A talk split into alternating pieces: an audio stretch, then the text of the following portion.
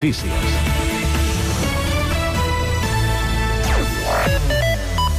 Bona tarda. A Sant Cugat s'han detectat 90 casos confirmats de la malaltia bacteriana coneguda com la tosferina, repartits en 12 escoles des de l'1 de gener de 2024. Segons explica Cugat Mèdia, la cap del Servei de Vigilància Epidemiològica del Vallès Occidental i Oriental, Maria Rosa Sala, tots han sigut casos lleus gràcies a la bona cobertura de la vacunació. Se l'explica que els brots mai són només a les escoles. Quan sí que en detectem amb, amb, amb escoles, clar, com que hi ha altres eh, de la mateixa edat que, que poden estar en risc, doncs sí que s'informa l'escola de que allà hi ha un, hi ha, un, hi ha un, algun cas de tosferina i que si tenen presenten símptomes doncs que vagin al metge i tal, no? I, i per això, per fer això nosaltres, doncs, quan hi ha, s'agrupen uns casos en una escola, diem que hi ha un brot en una escola però mai és una cosa aïllada. La tosferina és una malaltia respiratòria bacteriana que es caracteritza per una tos persistent i mocs però sense febre. És dilluns 26 de febrer de 2024. També és notícia que una cinquantena de persones, veïns en la seva majoria dels barris de Bullpelleres i Sant Domènec, ha reivindicat aquest diumenge que el camp de futbol de Bullpelleres deixi d'utilitzar-se com a aparcament als caps de setmana. Volen que l'Ajuntament respecti el seu dret a gaudir d'un espai esportiu i d'oci i assenyalen aquesta àrea com un lloc de trobada de convivència, integració, salut, educació i diversió.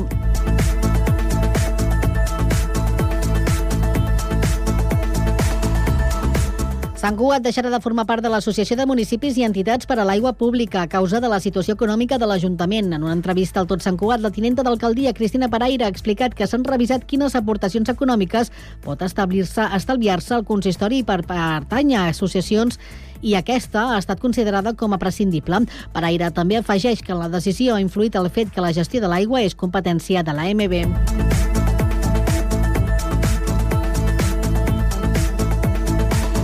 En esports destaquem que el primer equip masculí del Club Rugby Sant Cugat ha superat per 38 a 10 el Gel Saga Oquelan Zarauz a la quarta jornada de la Lliga Elit de la Divisió d'Honor B. Amb aquesta victòria, els Sant Cugatencs se situen en cinquena posició, empatats a punts amb el Club Rugby Huesitos La Vila. Per accedir al play-off d'ascens a la màxima categoria estatal, els blau i negres han de finalitzar entre els quatre primers. La propera jornada, els de Martín Garcia s'enfrontaran al Getxo Rugby. Els bascs ocupen la tercera posició a la Lliga Elit. Res més per ara, la informació torna d'aquí una hora a la mateixa sintonia i constantment a internet, www.cugat.cat.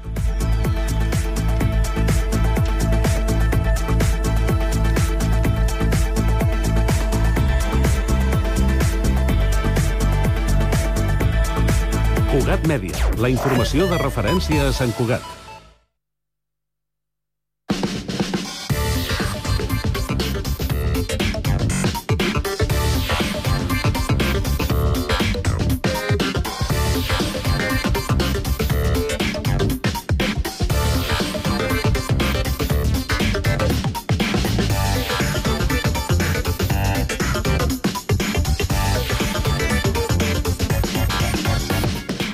De la tarda, 3 minuts, inici de la segona i última hora d'aquest Connectats de dilluns.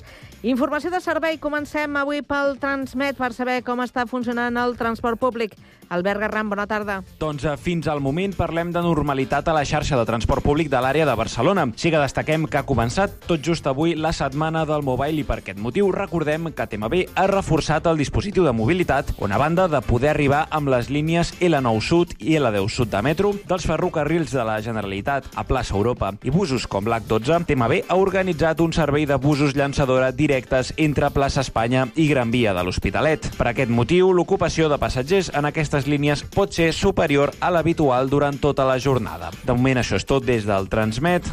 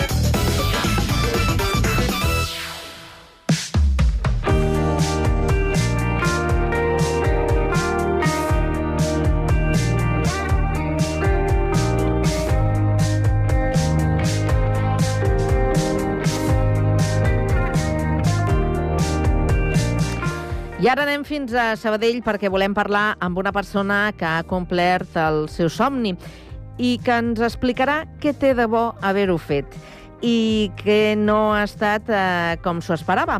Es tracta de l'Erin Heaven. Pau Duran, bona tarda. Bona tarda, doncs ja la tenim a l'estudi, moltes ganes de saludar-la. Erin Arvin, com estàs? Molt bona tarda, molt bé, què tal? Gràcies. Sempre dubto de si pronuncio bé, com vaig de dir-ho, això... Bueno, el, la, pronunciació, la pronunciació correcta és Haivin. Haivin, eh? Mm. Tu que, has, tu que has vist món, eh? Ja no saps dir bé. Escolta'm, com, com va venir aquest eh, personatge teu? D'on neix la idea? Bueno, mm, neix una mica arrel d'aquesta experiència que vaig tenir eh, quan vaig marxar fora a Los Angeles a viure i jo sempre, bueno, des de petita sempre he estat vinculada a la música, a diferents formes, ballant, eh, fent musicals, però sempre com que tenia un projecte personal, o sigui, tenia la idea de que algun dia volia treure un, un, tenir un projecte. Doncs allà una mica doncs, um, va ser quan va néixer uh, tot aquest món d'Erin Hiving a través de diferents experiències que vaig viure, va ser quan vaig començar a escriure cançons i, i una mica pensant com volia després eh, traslladar-ho a una audiència, doncs vaig crear doncs, aquest uh, personatge així més que sona molt, molt, amb molta fantasia, no? Té molta fantasia. Molt de fantasia, i tant. Recullo dos cables. El primer, mm, dius que venies de fer musicals... On? Aquí a Sabadell. Jo vaig començar aquí a Sabadell, um, de fet, fent música, el primer musical que vaig fer va ser 13 musical, uh, amb la Irene Garrido, i va ser una experiència brutal perquè va ser el primer musical que, que vaig fer, eh, com ja et vaig comentar, i a partir d'aquí va ser com donar-se compte que jo era capaç de posar-me sobre d'un escenari i defensar un personatge, perquè de fet feia de protagonista. I doncs a partir d'aquí doncs, vaig despegar i dic que vingui el que sigui, que jo sóc capaç de, de fer-ho. Això va ser el Sant Vicenç, oi? Sí, exacte. O sigui, eres- eres una mica de la colla de... Sí, sí. Um, de fet, també estàvem amb, amb l'Anna Busquets, també, que, que també va, anar- va venir aquí a, a parlar al programa. Correcte. I d'aquí vas dir Los Angeles. Per què Los Angeles? Bueno, eh, bàsicament perquè, de fet, mai m'he sentit d'aquí eh, i sempre és algo, no sé, no sé per què, però sempre he tingut la sensació que, que jo no, no era d'aquí i llavors sé que en algun moment de la meva vida volia marxar fora i viure una experiència i doncs va arribar el moment eh, i l'oportunitat de poder fer-ho i, i vaig voler dir, i vaig, vaig dir per què no marxar com a 10.000 quilòmetres separada de la meva família allà sola i a veure què, què em trobaria, que, per a veure què què em trobava i doncs vaig triar a Los Angeles perquè a més també anava a estudiar i hi havia un pla d'estudis que casava amb el que jo volia fer i doncs em vaig aventurar. I al final, com diu el teu EP, va ser tot un somni? O It was all a dream? O, o què va passar? Um, de fet és que realment no és com m'ho imaginava, perquè abans de marxar doncs, tens aquest ideal no? de les pel·lícules de Hollywood, que, que allà pots fer realitat el teu somni, el somni americà, tothom parla del somni americà, però després quan arribes allà doncs, et dones compte que, que la vida és igual que qualsevol altre lloc, i de fet una mica més complicada, sobretot si, és euro, si ets europeu, perquè tens moltes més dificultats per, per poder trobar el teu espai. I, i res, va arribar el moment de, de, que vaig decidir tornar, llavors quan vaig arribar aquí, um, vaig patir com una fase de dol, no? perquè jo allà tenia doncs, una certa llibertat i havia viscut experiències que també m'havien enriquit com a persona, llavors doncs vaig pensar, no sé si la decisió que he pres és la correcta o no, però el temps em va fer donar compte que, que, que sí que era el que havia de fer i llavors, clar, a- després recordant tota aquella experiència, doncs sembla que com si tot hagués sigut un somni i per això aquí ve el nom de l'EP.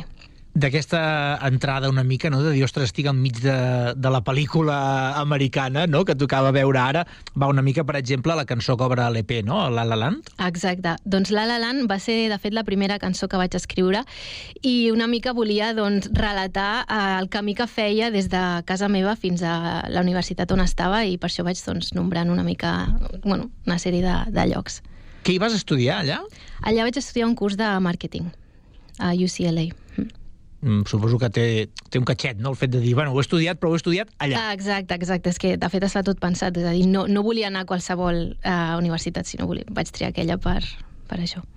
I això t'ha suposat que, per una banda, vagis fent la, la teva carrera, no?, amb, amb aquests estudis que vas fer, i per l'altra vagis desenvolupant l'artística, no?, amb l'Erin Hivin, que està buscant les seves actuacions i donar sortida, repercussió a la seva música. Com està anant de moment aquesta dualitat? Has de tenir un cantó del cap per cada Sí. cul? Com ho fas? Bueno, um, és veritat que els inicis són bastant difícils, sobretot si ets emergent, però, però al cap i a la fi, la meva feina um, té bastanta relació en el fet de, perquè jo treballo molt en construcció de marques, xarxes socials, llavors d'alguna manera doncs, també ho acabes com integrant a, a, a aquest, en aquesta vessant musical, llavors doncs és com molt més fàcil integrar aquests dos mons.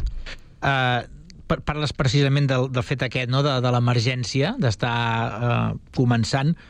Algun reconeixement de dir vas per, bon camí, ja l'has rebut, no? Sí, sí, de fet, eh, l'any passat bueno, vaig, ser, eh, vaig quedar com a finalista al concurs Fàbrica Ambassat de l'Ambassat, que era algo que jo sempre havia desitjat perquè el Festival Ambassat d'aquí de Sabadell eh, per mi és com algo icònic, eh, és a dir, per mi comença l'estiu quan ja arriba al Festival Ambassat i res, quan vaig rebre aquesta notícia bueno, per mi va ser molta alegria i després doncs, poder tocar um, al costat de Joana Serrat um, com a talonera doncs, ja va ser com el gran premi. Era el, aquells concerts que feien de presentació i crec que vas anar a l'Auditori de Castellà, oi? Exacte, sí, sí, un lloc supermaco i a més és que va ser un concert molt maco, sí, la veritat.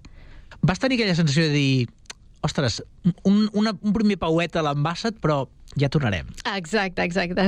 És a- dir, um, bueno, jo coneixia la gent d'allà eh, i, i res, quan vaig tocar allà vaig dir el següent pas ja és tocar al festival, festival. Molt bé, i com vas d'actuacions? Com, com es presenta el mes de març?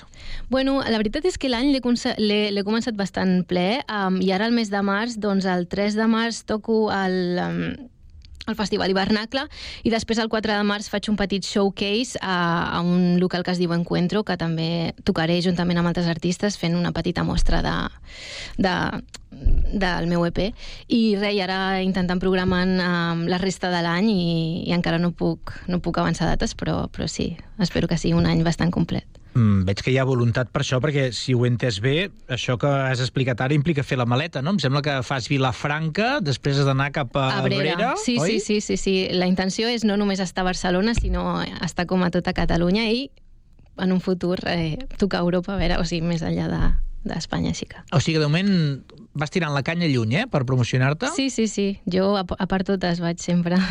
Suposo que hi ha una part d'això que el, la gent que ens escolta li costa com d'imaginar-se-la o no l'acaba de viure, però dir, bé, perquè en surti una, quan un et diu que sí, vol dir que hi ha molts nos que els has hagut d'entomar, també, no? Sí, sí, totalment. És a dir, és una feina que has d'estar eh, dia rere dia picant pedra i potser has d'enviar 50 emails al dia i d'aquests potser només te'n contesta un o a vegades cap però has de seguir tirant, tirant, fins que algú pues, t'obri la porta.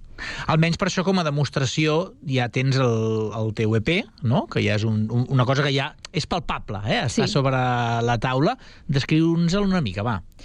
Vale, doncs, uh, bueno, com ja et comentava, aquest EP el que he volgut és bàsicament comprimir la meva experiència uh, de Los Angeles en, en cinc cançons i, i bàsicament relaten i narren experiències que vaig tenir des de persones, des de llocs i, i una mica, doncs, també jugo a, a crear un petit imaginari com, com eteri de somnis, eh, també com a referència de, de lo que et comentava, de que doncs, ara quan miro aquella experiència doncs, tot va resultar com, sembla ser com, com si fos un somni i això seria It Was All a Dream.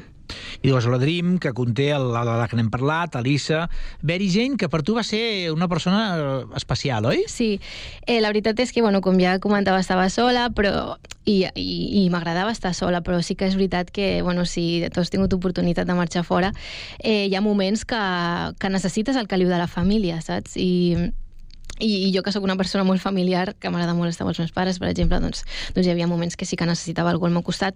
I va haver-hi una persona que vaig conèixer que em recordava molt a la meva àvia, i, sí, i es deia Betty Jane i ella sempre va estar allà eh, ajudant-me en tot el que calia, els bons i mals moments, llavors doncs eh, va haver una connexió com molt, molt, molt propera i quan vaig tornar doncs vaig voler dedicar-li una cançó i de fet a la meitat de la cançó pots escoltar la seva veu que un dia estava trucant a, a un lloc i la vaig gravar La vas gravar també. Sí. Ho sap ella, no? Sí, ho sap, ho sap, ho sap. Molt bé. Escolta, qui escolti uh, alguna de les cançons, l'EP sencer, de fet, m'agradaria que al, al final uh, pugui escoltar-ne tothom una que triïs tu, uh, com li sonarà diferent el dia que et vingui a veure en directe? Val, uh, doncs ara el format en el que estic presentant els concerts és un format eh, bastant acústic, és a dir, em presento jo sola amb la guitarra, eh, bàsicament perquè ara, bueno, no, no tinc els recursos per comptar amb una banda, però també perquè vull com mostrar com a una, fer una presentació d'artista el més nu i autèntica possible, que d'alguna forma és el que també intento transmetre a la meva música. És a dir, la meva música pot ser molt fantasia, molt etèria, molt, molt construir aquest imaginari tan, tan ideal, però també vull mostrar la part de mi que és més propera, més de peus tocant a terra i té més autenticitat. Llavors, doncs, als concerts vaig triar fer-ho d'aquesta manera. Has dit dues coses que haig de recollir perquè dius parles de la nuesa i de tocar de peus a terra i en el teu cas quan actues és literal perquè actues Literal. descalça. Exacte, és a dir, sempre que em presento eh, i fins i tot els meus vídeos també eh, decideixo anar te- eh, amb els peus a terra, però no només eh, per, per qüestions de marca o, o perquè, perquè és així com vull que la gent em, em percebi, sinó també perquè per, mu- per mi és molt més còmode a l'hora de cantar i, i, de, i de moure'm eh, anar descalça. De fet, a casa sempre vaig descalça també. També per casa vas descalça? També, també. Que Sí, bo. sí, sí, sí. Bueno, diuen, no?, que s'agafa Sí. també una part de l'energia... Sí, sí, ve, de- ve per aquí la idea de- d'anar descalça també. Que bo. El, hem dit abans que una mica ja t'estaven reconeixent eh, la teva feina, hem parlat del, del, dels valors emergents de l'ambassat, però també volia citar el Premi del Públic que et vas endur a Tarragona, al portautors del, crec que era l'any 22, oi? Sí, de fet, aquest va ser el primer premi que vaig, re que vaig rebre quan encara no havia tret l'EP perquè allà, bueno, en aquell moment ja ho tenia tot gravat, tot el vídeo gravat, però tenia aquella por de, uah, no veig el moment de treure les meves coses. Eh, llavors, rebre aquest reconeixement va ser com una empenta per dir, vale, jo crec que a partir d'aquí haig de seguir i començar. I, I així ha sigut. sí, sí. Erin Haivin, gràcies per venir al Connectats. Moltes gràcies per convidar-me. Ens has de dir amb quina cançó de les teves, d'aquest EP, vols que t'acomiadem? Bueno, doncs triaré Elisa perquè per mi bueno, té un missatge molt, molt important que és una mica eh, projectar la idea de, de perdre-li la por a mostrar-se tal i com ets i, i això. Doncs m'agradaria acabar el programa amb aquesta cançó. Doncs per tots vosaltres va aquest, Elisa. She was born in a town, but then moved to the city where she grew up so fast, falling down, feeling needy. She was afraid, had to be brave in a place that didn't feel like a home. She's the hero of her movie. She gets to do what she wants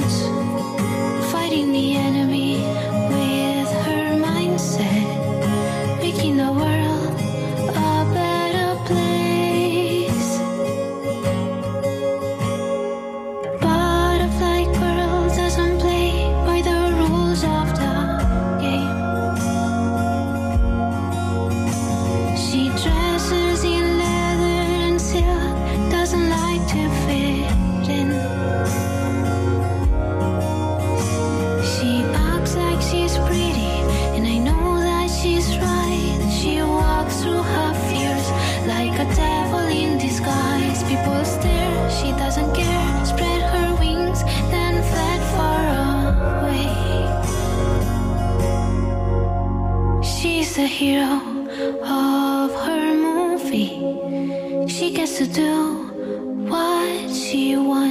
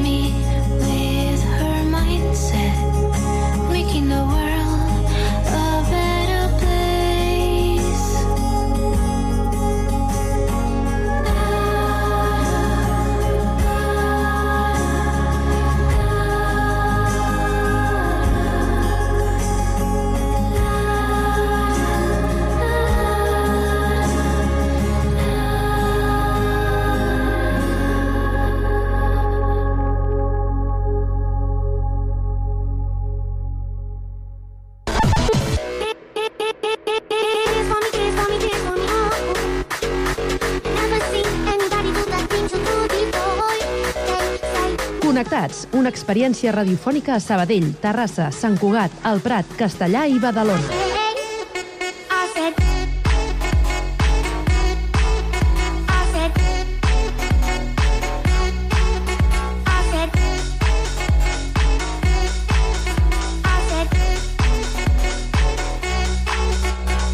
Connectats amb Carme Reverte.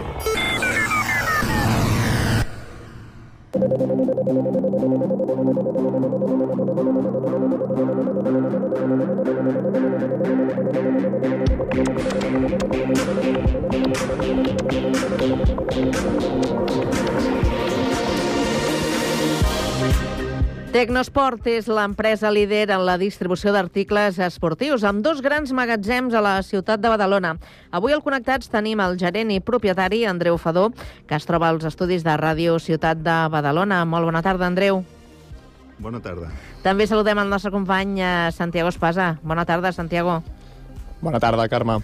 Bé, doncs eh, començarem preguntant-li a l'Andreu eh, com sorgeix la idea de, de crear una empresa com Tecnosport a, a Badalona.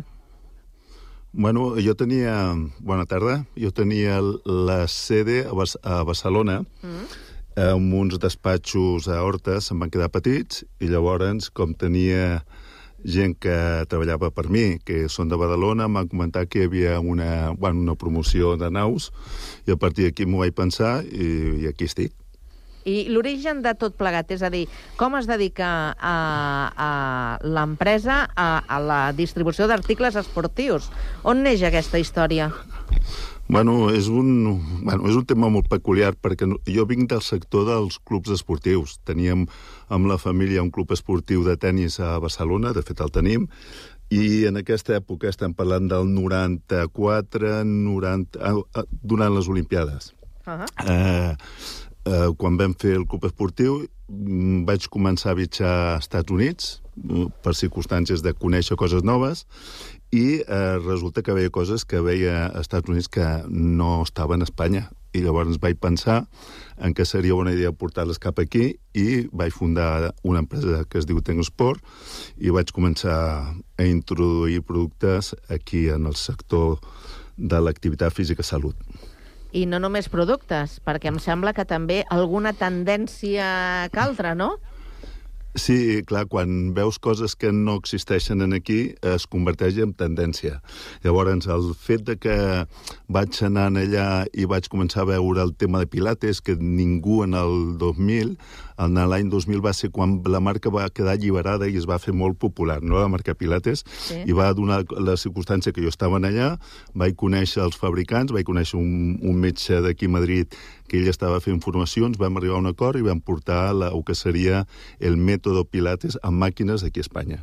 I a banda dels magatzems que comentàvem ara que vau traslladar a Badalona, en teniu algun altre més? No, de, de moment amb dos en tinc prou. Uh, ojalà necessites més, però de moment és suficient. Uh, havia, tingut, havia tingut un mes de lloguer, i, però amb la crisi del 2008-2010 vam tindre que, que baixar una miqueta, pues, bueno, uh, la, les circumstàncies no eren molt complicades per tothom, no només per mi, i vaig decidir quedar-me només amb dos uh, magatzems. Uh -huh. Ara, Andreu, et, et volia preguntar. Sí. Eh, Tecnosport, en quins països distribueix els seus productes? Bueno, eh, co com porto distribució... Jo no sóc fabricant, jo distribueixo. Eh? Vaig als Estats Units, agafo un fabricant, a Xina també fa 12, 14, 12 14 anys que estan, vaig molt sovint a Xina, i el que faig és estudiar els mercats, visito fabricants i porto el producte cap aquí. Per tant, eh, bueno, jo el que faig és un, un intermediari de productes eh, del pilates, llavors de tecnologia de l'entrenament eh, per treballar la velocitat potent, bueno, diferents tipus de tecnologies. I llavors, ara, també només us centreu en l'àmbit dels gimnasos o també feu altres tipus de coses? Bé, eh, aquesta és una bona pregunta perquè fins ara jo m'he dedicat durant 30 anys al sector del fitness, dels gimnasos, de fet, i, i ja estic dedicant. Però què ha passat? Que durant uns dels meus viatges als Estats Units vaig visitar una, una, una sèrie de franquícies que Sheldon Zimmer era el propietari, i es deia Nifty After 50, àgil després de los 50. Llavors, ell només treballava amb gent gran, amb gent a partir de, bueno, gent gran, gent a partir d'una certa edat, i llavors vaig veure que era un neurofisiòleg i em va ensenyar coses que jo no tenia en el cap però no les havia desenvolupat, com el treballar la salut. No? Llavors, hosti, vaig anar i vaig pensar, si en Espanya el problema que tenim és que el creixement de la població s'està invertint, menys gent jove i molta més eh, gent gran. Llavors, què passava? Que vaig comparar, em va arribar una estadística molt interessant que em comparàvem amb els japonesos, i em deia, els japonesos moren als 85 anys de mitjana, a veraix, igual que els eh, espanyols, però comencen a enfermar 3 anys abans de morir-se. I els espanyols, 14 anys. Què vol dir? Que això representa que per sanitat serà, a mesura que vivim més temps, perquè la tec- tecnologia farà que la gent visqui més temps, doncs vaig pensar, hòstia, doncs tindrem un problema greu, pagarem més per la sanitat que per les jubilacions, perquè la gent viurà molt de temps i a mesura que viu més temps comporta més enfermetats. Llavors vaig obrir una línia de salut fa 3 anys que és Tecnosport Fitness i Tecnosport Medical, on tots els aparells van relacionats amb aquest perfil de la població. Llavors, tant gimnasos com salut, Sí. sí. algun exemple d'on distribuïu els vostres productes? Per exemple, jo estic al Goodman, que és un exemple que està aquí, que coneixeu tots, mm. tota la gent, eh, perquè circumstàncies han fet que, bueno, jo he anat molt, jo sóc tècnicament llicenciat en Educació Física i Fisioterapeuta, i llavors com a fisioterapeuta tot l'àmbit de la salut, i més en aquests casos tan radicals, i en aquí a la Goodman tenim, tant a, a Barcelona com a Badalona tenim els nostres equipaments, i llavors, per exemple, pues el Real Madrid, el primer equip del Real Madrid, el Barcelona, eh, bueno, equips de primera divisió, tant d'Anglaterra com Espanya i Alemanya, tenen eh, part dels equipaments que jo distribueixo. Ja, jo crec que la pregunta més important i és quina és la marca principal de la vostra empresa i què la fa diferent? Bueno, eh, jo estic molt content de com va anar com la marca Pilates, la Balance Body, que és la marca americana en Sacramento, perquè em va costar molt portar-la i treballar-la i introduir-la en el mercat espanyol. Llavors, fa 25 anys que di- distribueixo una marca que es diu Kaiser, que precisament és la que Real Madrid, Barcelona, tots aquests la volen, que és un treball de, sobretot de força velocitat. I llavors ja tinc altres marques, però sobretot aquestes dues són les més representatives. I per què? Quin és l'element que... Bueno, perquè, mira, el Pilates està a tot el món. És una marca, i la, la marca que jo porto és de les tres millors que hi ha en aquests moments a nivell mundial, no? Per tant, la defenso com una de les primeres marques que tinc. I Kaiser perquè també està, és una marca que està a tot el món i sobretot perquè està introduïda en el sector de l'alta competició, competició als Estats Units, sobretot als Estats Units. I jo penso que aquestes són les marques que li tinc que dedicar més atenció. I quin és el preu aproximat d'aquesta maquinària? Bueno, eh, clar, si em dius quin preu tope tenen, doncs arriben de 20 a 25.000 euros per màquina. Llavors ens en diràs, i, i el preu més barat? Pues 10.000. Eh, llavors jo porto tecnologia, no, no, no em barallo amb els gimnasos que porten mancuernes o, o barres, o, no, això jo ho tinc, però no és la meva base de, de venda. Jo també vaig anar als vostres magatzems i vaig veure doncs, aquestes màquines fitness Sí. i vaig veure que eren d'aire comprimit. Què vol dir això? Clar, l'aire comprimit vol dir que quan tu treballes amb la força gravetat, que és la típica pesa una mancuerna, eh, mm, per exemple, una manuella o, o una barra de discos que sempre la força de gravetat tiren a anar cap a baix, eh, bueno, eh, això no ho té el sistema pneumàtic, no ho té. El sistema, no li afecta la gravetat. Per tant, jo quan vull treballar velocitat amb aquest tipus de càrrega, que ara per explicar-ho per la ràdio és complicat, és més complicat. En canvi, amb el sistema pneumàtic puc fer servir una pesa més, eh, més baixa i treballar la velocitat perquè no hi ha inèrcia. Clar, això que t'estic dient, eh, entendre, que no és fàcil, estic a demostrar, no? perquè per la ràdio no és fàcil que la gent ho entengui.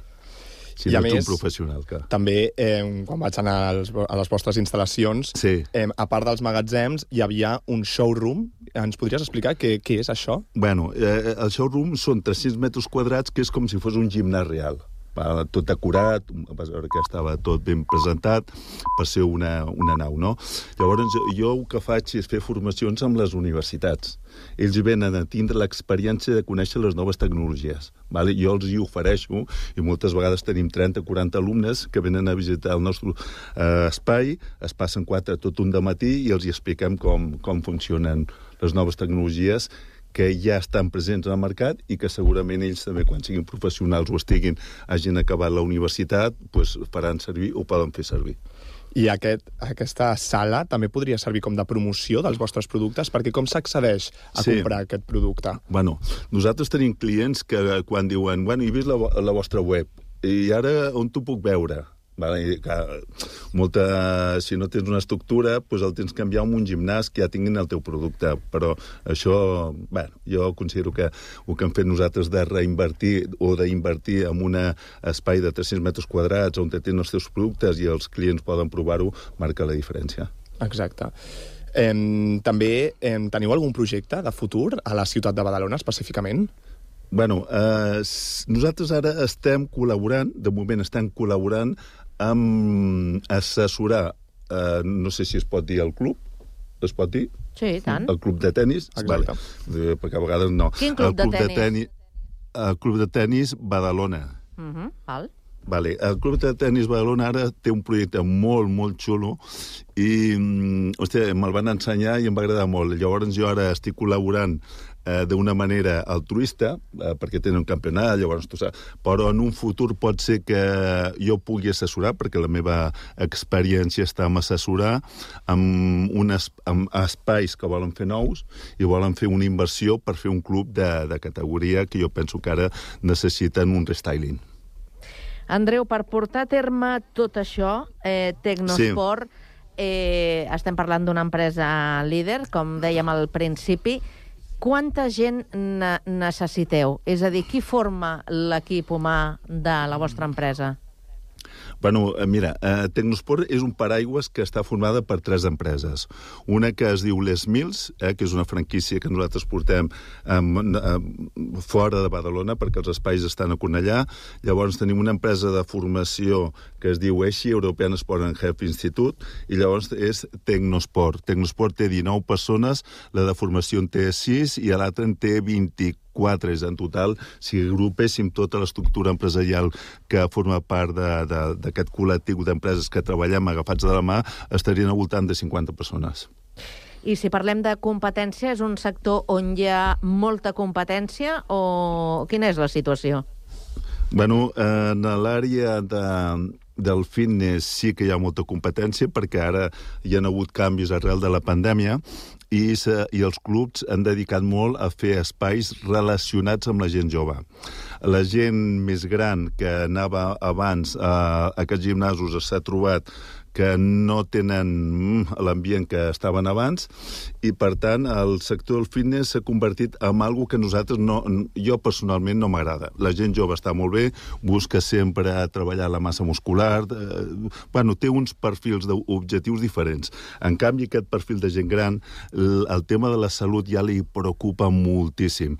I, i llavors ara és on jo, eh, particularment, jo quan parlo jo, parlo aquesta estructura empresarial, ens estem dedicant més amb la gent eh, d'un perfil més elevat, que treballem més en hospitals i centres de rehabilitació i que en aquí no tenim tanta competència. Per tant, en el sector del fitness en tenim molta i en el sector de la salut en tenim menys. -huh. Bé, doncs avui hem intentat eh, descobrir eh, què és Tecnoesport, a què es dedica, què fa i què és el que li preocupa. I hem vist que també s'ocupen de, de la nostra salut. Agraïm moltíssim al eh, Andreu Fadó, gerent i propietari de, de l'empresa Tecnosport, que avui hagi passat eh, pel Connectats. Andreu, gràcies i bona tarda. A vosaltres. Que vagi molt bé. Bona tarda. Santiago, no Gràcies. marxis gaire lluny, perquè d'aquí no res eh, Ens tornem, a, veure. tornem a parlar. Sí, tornem a parlar. Ens tornem has a de portar una altra, una, una altra convidada, en aquest cas, d'acord? Ah, exacte. Fins ara. Ens va... Fins ara. Adéu, Carme.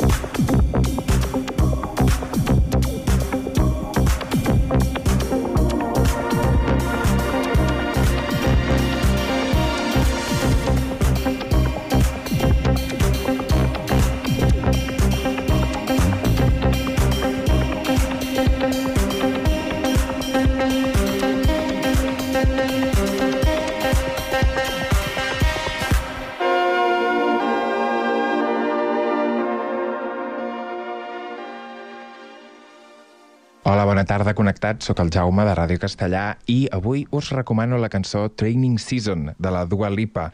Bueno, aquesta cançó és molt alegre, molt animada, va fer una actuació la noia als Grammys que va ser espaterrant i res, m'agradaria que l'escoltéssiu per alegrar una mica més aquest dilluns, que a vegades el, el dilluns és una mica feixuc, per alegrar el dilluns i moure una mica l'esquelet.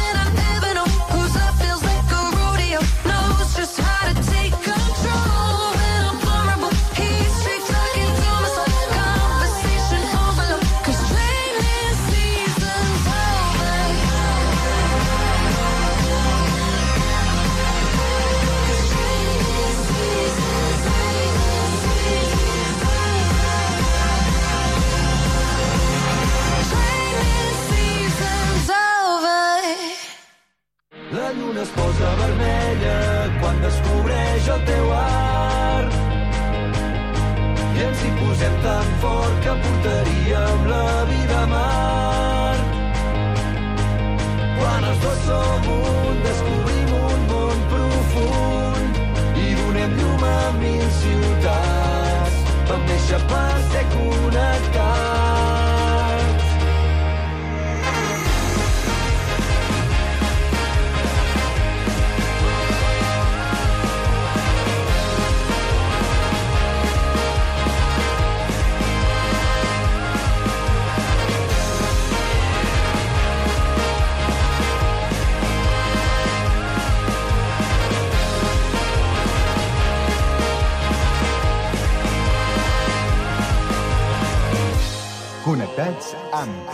fuertemente.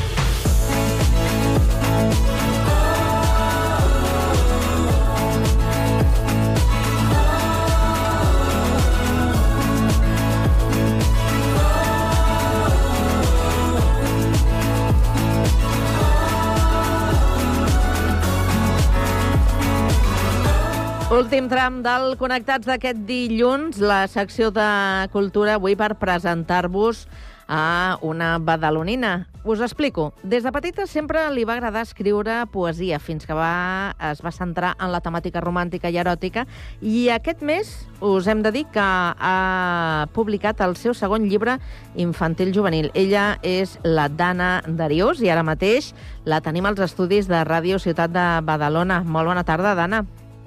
Hola, bona tarda. També saludem de nou al Santiago Espasa. Santiago, Bona tarda, Carme. t'ha donat temps, no?, de prendre un gotet d'aigua, de respirar una mica. Ah, Exacte, ha sigut pim-pam, això. Clar que sí. Doncs eh, ara parlem de, de cultura, parlem amb la Dana Darius, que, per cert, aquest no... És un pseudònim, no, Dana? Sí. És un pseudònim. I té algun sí, sí. significat eh, que, que haguem de conèixer o no? Bueno, en realitat, mm, significat, significat, no. És que tenia una amiga que cada petita, pues, com és Yolanda, sempre em diu Yolandana, Yolandana, i amb Dana m'he quedat. El meu mail sempre ha sigut així. Ah. I Darius, perquè el meu fill gran es diu Darío i, i vaig trobar pues, química entre ambes coses i un nom molt comercial i me'n va agradar. Molt bé, doncs veus, ja, ara ja sabem per on va la, la cosa. Eh, parlem de, de la teva última publicació, Fuego contra hielo.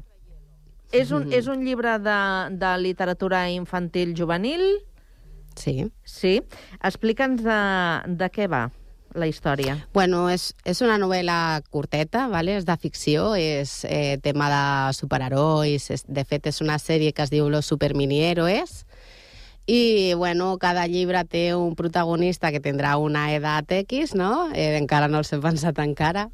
I, i cadascú pues, tindrà uns poders que haurà de lluitar contra algun villà, no? que tindrà uns altres poders, i així tota la sèrie. I escolta'm una cosa, eh, estem parlant d'una col·lecció?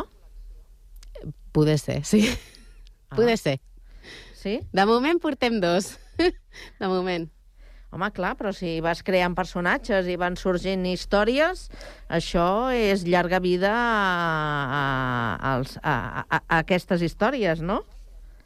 Sí, a veure, la meva intenció és com a mínim fer 10, però clar, és una intenció que està al meu cap, però jo no tinc molt de temps i, bueno, no sé quan podré dur-lo a terme, però a poc a poc ja en tinc dos i vaig començar amb el primer al novembre, si no m'equivoco. I per què el tema dels superherois? Ai, perquè crec que als nens aquestes coses els agrada molt. I no sé, mira, em va donar per aquí. Veia moltes sèries de, de la tele que m'agraden amb gent amb superpoders i aquestes coses i, i bueno, que al meu fill li agraden també i dic, vinga, va, una cosa per nens que sigui una mica sana, no? Lectura una mica sana, perquè avui dia trobes cada cosa amb els nens que dius, però, però per què veus? El CSI o què? Parlant d'assassinats, de... sí, sí. O sigui que té bona acceptació. Tu com a mínim ho has pogut comprovar a casa, no? Sí, al meu fill li, li agrada moltíssim i, de fet, eh, bueno, el primer, Estrella contra Galàxia, va agradar molt. Ho va comprar molta gent pels nens i tothom escrivia «Uau, a mi hijo le ha encantado». Eh, la veritat és que estic contenta. O sigui que vas connectar. Vas connectar Sí. amb el públic infantil. Es veu que sí. Sí, sí. I ara jo, Dana, et volia preguntar si existeix algun missatge dins de, de cada llibre aquest infantil. Sí. Llavors, a Estrella contra Galàxia hi ha un tipus de missatge i Fuego contra, Hielo hi ha un altre? Sí. En Estrella contra Galàxia diria que, bueno, eh, i de fet ja ho posa al final, que tothom té una llum interna, no?, que qualsevol sense superpoders no, pot arribar a fer coses molt bones. I el, este, el de Fuego contra Hielo, a veure, és una història diferent perquè té una trama una mica més dramàtica, no és tant per nens, per això te deia abans, és que és per nens i adults, eh? eh clar, és, ve a dir, a dir-te que encara que estiguis sol, mai estàs sol, no? Que sempre hi haurà algú que te pot fer una mà i t'ajudarà i que no has de fer-te mal a tu mateix no? o a la resta del món perquè te sentis sol, sinó que sempre hi haurà algú no? allà que te pot ajudar. I, de fet, pues, bueno, m'ha agradat... mm, Pensava que em costaria molt, la- molt més escriure la història, perquè ja et dic, jo ara tinc el romans, no? I el, el meu és el romans. Però, mira, m'he sentit còmoda, m'agrada també. I ja tens pròximes idees de- d'aquesta saga de el, El meu superherois? fill diu, ai, mama, tinc una idea, i diu, podries fer... Ai, com em va dir? Luz contra oscuridad, i li dic, però, carinyo, si això ja és estrella contra galàxia, vull dir, clar, ella es- s'il·lumina i fa molta llum, i ell no, és un ser oscuro i tal. I dic, no, home, no pot ser això. Ah, doncs... I vam, vam pensar en algú que faci, amb, mm, com es diu en català, burbujas. Ai, bueno, que tingués un superpoder que sigués Mm. fer pompolles, no? I, però, clar, em troba... Eh, és que trobar l'equilibri entre el superheroi i el villà és complicat, perquè els superpoders han de ser contraris, no? I, i em costa una mica, però com fins al setembre no em posaré, perquè ara tinc uns altres projectes que són de lo meu, pues, encara tinc temps per pensar-ho. Parlem també d'aquests pròxims projectes. No està fora del públic infantil? Sí, tant. sí.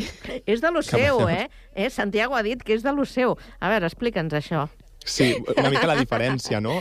Clar, jo faig romans, i dins dels romans eh, tots els subgèneres. Vull dir, de fet, l'última que vaig treure és El secreto de Coraline Sparks, que va sortir el juny passat, i és uh, com un thriller, aquí, clar, has de descobrir el misteri, no?, el secret d'ella, i té romans, però és un romans molt cuit molt lentament. No és a lo que estic acostumat al meu lector, que, que lo anterior va ser relats eròtics. Vull dir que, clar, és que anem d'una banda a una altra. Clar. I aquest té... Dana, Dana, però és que, Digue'm, escolta'm sí. una cosa, com, com es pot anar d'una banda a una altra, d'un públic infantil a un públic adult ja eh, parlant de qüestions eh, eròtiques, de... de bueno, rom- perquè jo sempre he escrit romans, tu ja ho saps, que ja en diverses cops ja hem parlat. Però saps què passa? Que vaig, anar al col·le del meu fill a fer un taller i em Mm. vaig sorprendre tant, però però flipant, eh, amb els nens, que dic, ui, aquests nens, el que t'he dit, no? que coses veuen a la tele o que, que llegeixen aquests... I vaig necessitar fer alguna per nens que, que fos sa, perquè dic, mare meva, els hi vaig fer un joc d'encadenats, no? De, un comença una història i l'altre segueix el fil, Mm. i és que era un, una família que se separen, que el pare agafa un cotxe i atropella no sé qui. Mira, un, una cosa que... Tot desgràcies, no? Flipant. Tot desgràcies. Bueno, jo, a veure, vaig sorprendre'm, no? Però, bueno, tampoc gaire molt en el món al que vivim, pues, bueno, ja se sap. Mm. Però sí, sí, dic, bueno, va, vaig a fer alguna per nens, a veure si... O sigui que va ser doncs, aquest fet el que va fer passar o sigui, aquesta transició sí. de, del romans a l'infantil. Sí, però, bueno, que no, no seré una autora d'infantil, com tal, perquè el meu és el romans, i el romans no el deixaré de banda. Però entre uns i l'altre pues, colarem alguna història... Clar, que volia recalcar això de que just has arribat i m'has dit és infantil però no tan infantil. Clar. Què vol dir això? O sigui, quines coses has experimentat en el teu procés creatiu? A veure, he de dir que Estrella contra Galàxia jo ja l'havia tret perquè estava dins d'una actologia solidària que vam fer fa un parell d'anys, vale? per una associació de nens amb càncer i tal, i, i ja existia aquesta història, l'únic que, bueno, l'he tret jo físicament, no? l'he arreglat una mica, i sí que és veritat que volia fer-la com per més petits, però m'acostava molt perquè té molta lletra, era complicat adaptar-la tant, i llavors vaig pensar, bueno, pues per un públic a partir de 8 anys que ja llegeixen, mm, clar, sense dibuixos, no?, per dir-t'ho d'alguna manera, que té algun dibuix, però té un dibuix a cada capítol, no és un llibre il·lustrat. I bueno, així vaig començar i, i ja et dic que és clar, té, que si tu te la llegeixes també et pot agradar perquè no és tan infantil. Passen coses de la vida, no? I llavors, bueno, està bé per tots els públics, però de petits di- diria que a partir de 8 anys. Vale. I ara també parlant d'aquest llibre que dius que publicaràs, ens podries parlar una mica d'ell? Mira, això ha, sorgit perquè tinc una companya que volia que li fes una història, no? Llavors pues, diu, jo he de ser protagonista d'una de les teves novel·les, perquè m'agraden molt com escrius i tal. I bueno, ella té un caràcter que és molt fort i, i és, és bastant especial. I llavors, pues, bueno, hem trobat una novel·la que és una comèdia, perquè, clar, amb ella ha de ser una comèdia romàntica, que sigui eh, la protagonista pues una mica arpia, per dir-ho d'alguna manera, que és la gràcia de la, de la història, no? el caràcter d'ella i tot el que envolta. És una història que són quatre amigues i eh, pues cadascuna pues, té una sèrie de petits problemes dins de la, de la seva vida amorosa, no? I aquí és pues, la gràcia de la història. És que més no te puc dir. No, no, clar. Llavors, dins d'aquest gènere, què és el que t'agrada més? Què és el que et crida més l'atenció? Perquè tu m'estàs dient que infantil no et quedaràs, sinó tornaràs cap a l'altra banda, diguem. Bueno, perquè és el meu, no? Això ho intercalaré, però, però no, el meu és el romans. Què m'agrada més? És que no sé, perquè cada vegada que m'asseca l'ordinador i faig una història, pues canvio radical. De fet, l'eròtica pura i dura jo mai l'havia... A veure, sí que tenen traces eròtiques als meus llibres perquè quan tenen una una d'això de, un, una escena de sexe, no? doncs, bueno, ve, ve molt descrit tot el que fan i tal, perquè pues, el lector es fiqui dins de l'escena, no? Però l- la eròtica tal i com és, no l'havia fet mai i la veritat és que vaig fer els relats perquè va ser quan me'n vaig quedar embarassada i vaig estar de baixa i volia fer històries curtetes que pogués publicar ràpidament no per enganxar la gent i van tenir un èxit que i clar, si el meu marit diu, és que l'eròtica vende, bé, si jo te l'estic dient. Però sí, sí, la veritat és que va agradar moltíssim i, i a les meves lectores zero, no?, que són amb les que comparteixo el, el procés, no?, mentre que el faig, estan ja superenganxades i dic, hòstia, doncs no se'm dona malament, això. Però sí, sí, em va sorprendre. Em va sorprendre. Quants llibres tens publicats de... en aquest gènere? Deu. 10 llibres. Ah, Voldries recalcar algun en concret, algun que t'hagi inspirat més, que t'hagi marcat? És que tots tenen de mi, vull dir, llavors... Ara t'he de dir la meva favorita, no puc, perquè totes m'agraden. Inclús l'eròtica, i mira que no és el meu. Només hi ha Però- un de- d'eròtica? Sí, sí, perquè és una sèrie de sis relats. Vale. Llavors, els relats sí que estan sueltos en, en format digital a Amazon, però el llibre físic conté els cinc relats que hi ha a Amazon més un inèdit que és l'únic que està inclòs dins de l'altre llibre, perquè, clar, si ja s'han llegit, pues, s'havia de posar alguna nou. Clar, jo et volia preguntar això, ara has dit lo d'Amazon, com podem trobar eh, doncs, tots els teus llibres? A Amazon. A Amazon o a través de les meves redes socials. Hm. Molt bé, molt bé, molt bé. I llavors tornarem a passar a la temàtica romàntica. Sí, tornarem. Ara el que passa és que tinc poc temps, eh? perquè tinc un nadó d'un any i és complicat. Jo escric a la nit, però a vegades estic tan cansada que ja dius, bueno, avui em poso, no. Em costa. Ahir em vaig posar, però portava tota la setmana sense escriure perquè he tingut els dos nens malalts i, i clar, no pots. Has d'estar per ells. Eh, Dana, jo et volia preguntar, clar, m'imagino que entre la vida familiar, eh, eh, escriure, tot això, et queda temps per llegir? per llegir. A veure... Sí o no? He d'anar intercalant, perquè aquestes coses les faig a la nit. I, bueno, si m'enganxo a un llibre que ara fa poc he llegit una història que la vaig començar i em va enganxar i ja ni escrivia ni res perquè volia llegir-me-la Ahà. i, i en una setmana me l'he llegit, però és, he de trobar això, un llibre que diguis des del principi m'atrapi, perquè si no és com que ja em costa més. Però busques que sigui eh, novel·la eròtica? No, no, no. És que No. tinc, tinc una iniciativa a, a una de les meves comptes de- d'Instagram que faig un Crazy Riders, que és, eh, bueno, fem quatre llibres al mes, no?, i, bueno, intentes llegir el que pots. Jo no arribo als quatre mai, perquè... I mira que la monto jo, però és que no arribo. I cada mes és per conèixer autors, no?, i són llibres diferents, d'autors diferents i de gèneres diferents. I em vaig, em vaig llegir un eh, que era, era un romans, però era també una mica violència gènere i, i la veritat és que em va agradar molt. T'ho dic perquè... Ara és que te, veure, diria, te diria com se diu, però no, ara no em surt el títol, eh? Clar, a veure, eh, f- mm, pot semblar fàcil, però no crec que, que, que ho sigui, no? Eh, eh, escriure amb una certa sensibilitat, voler eh, fer equilibris en aquesta línia tan prima de, de, de l'eròtica, que de vegades, eh, si se te'n va una mica la pinça, doncs eh, no saps on, on pots anar a, a parar. O sigui, trobar aquest equilibri en una novel·la eròtica mm, ha de ser complicat.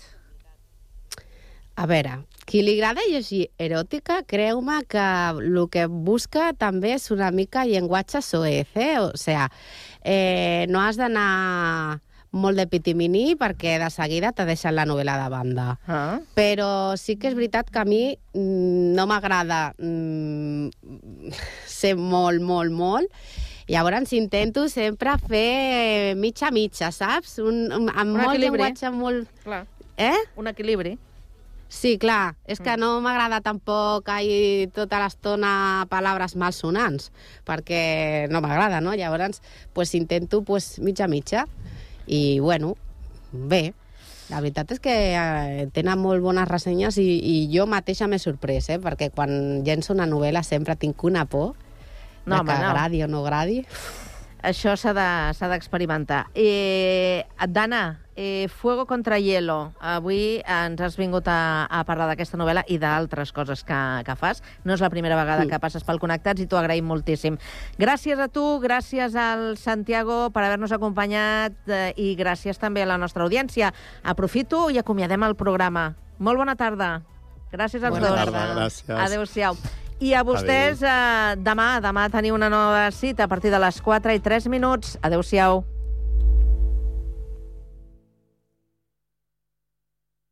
La música més propera a tu a Ràdio Sant Cugat.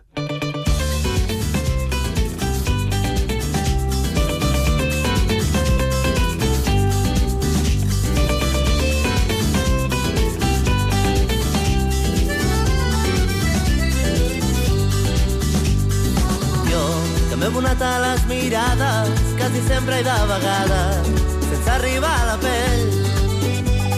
A mi que ni em va ni em ve d'una quasi sempre mata bales, m'enfilo amb un cop de vent. No hi ha ningú que m'entengui com tu, que m'agafi com tu, i m'escalfi de matinada. No hi ha ningú que m'entengui com tu, que m'agafi com tu, i m'escalfi de matinada.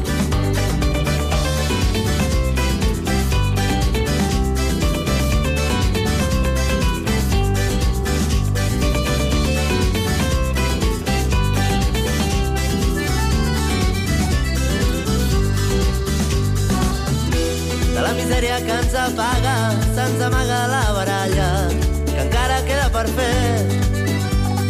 Ara que hem entès que el que ens fallava era cosa d'una flama, un avís que vira el remei. No hi ha ningú que m'entengui com tu, que m'agafi com tu, i m'escalfi de matinada. No hi ha ningú que m'entengui com tu, que m'agafi com tu, i m'escalfi de matinada.